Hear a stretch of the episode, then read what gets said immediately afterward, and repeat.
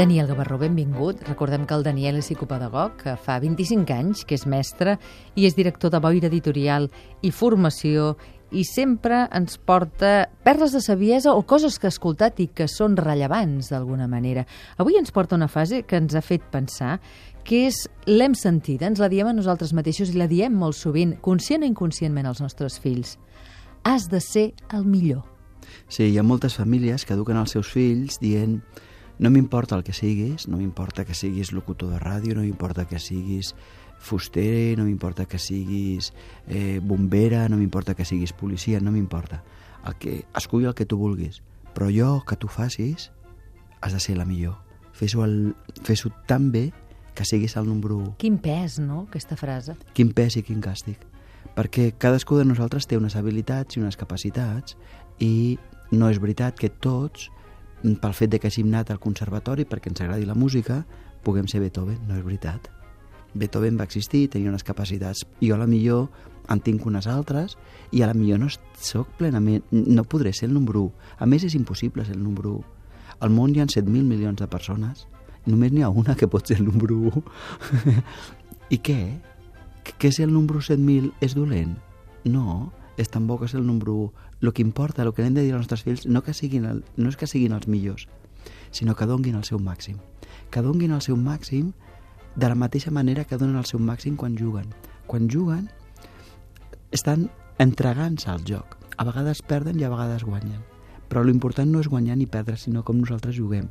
I això és molt important també recuperar-ho com a pares, perquè hi ha molts pares i moltes mares que els diem als nens i a les nenes has de ser el millor perquè vivim la vida com una lluita i fins que jo no me n'adoni que la vida no és una lluita, sinó és un espai per expressar-me, és un espai de jugar i que a vegades guanyo i a vegades perdo, però que això no vol dir que jo no tingui sentit en mi mateix, no li podré transmetre al meu fill.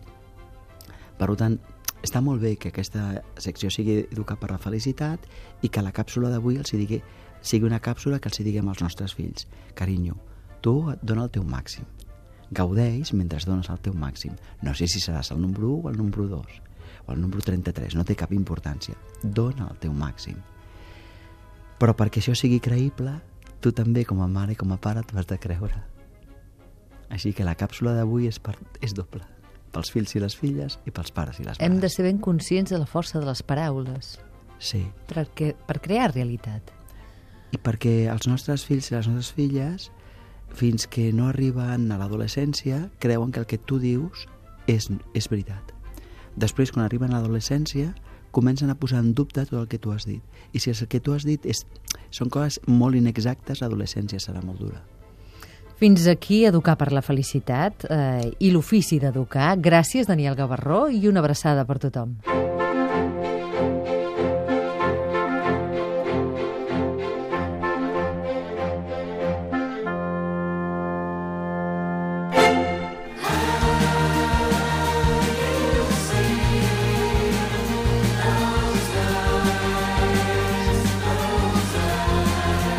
L'ofici d'educar.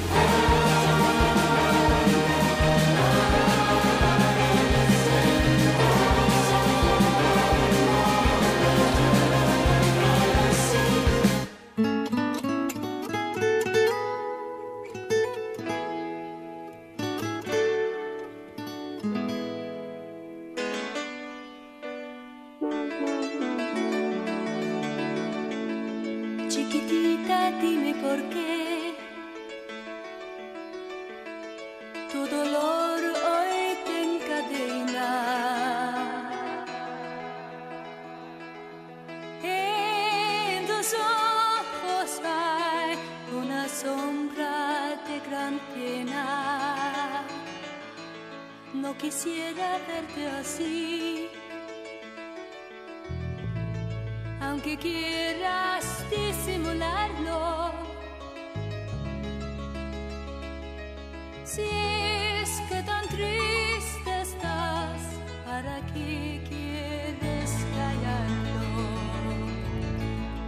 Chiquitita, dímelo tú. En mi hombro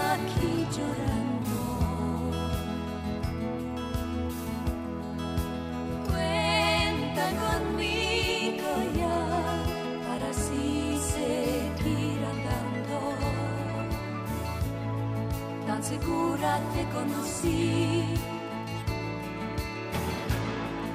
Y ahora tú a la que tratas. Déjamela arreglar, yo la quiero ver curada. Chiquitita, sabes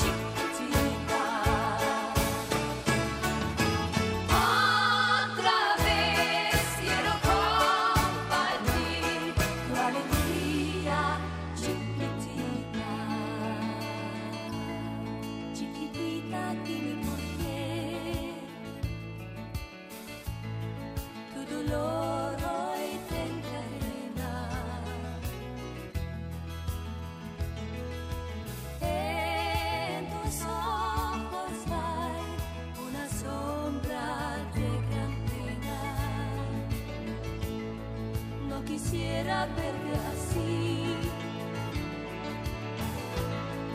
aunque quieras disimularlo.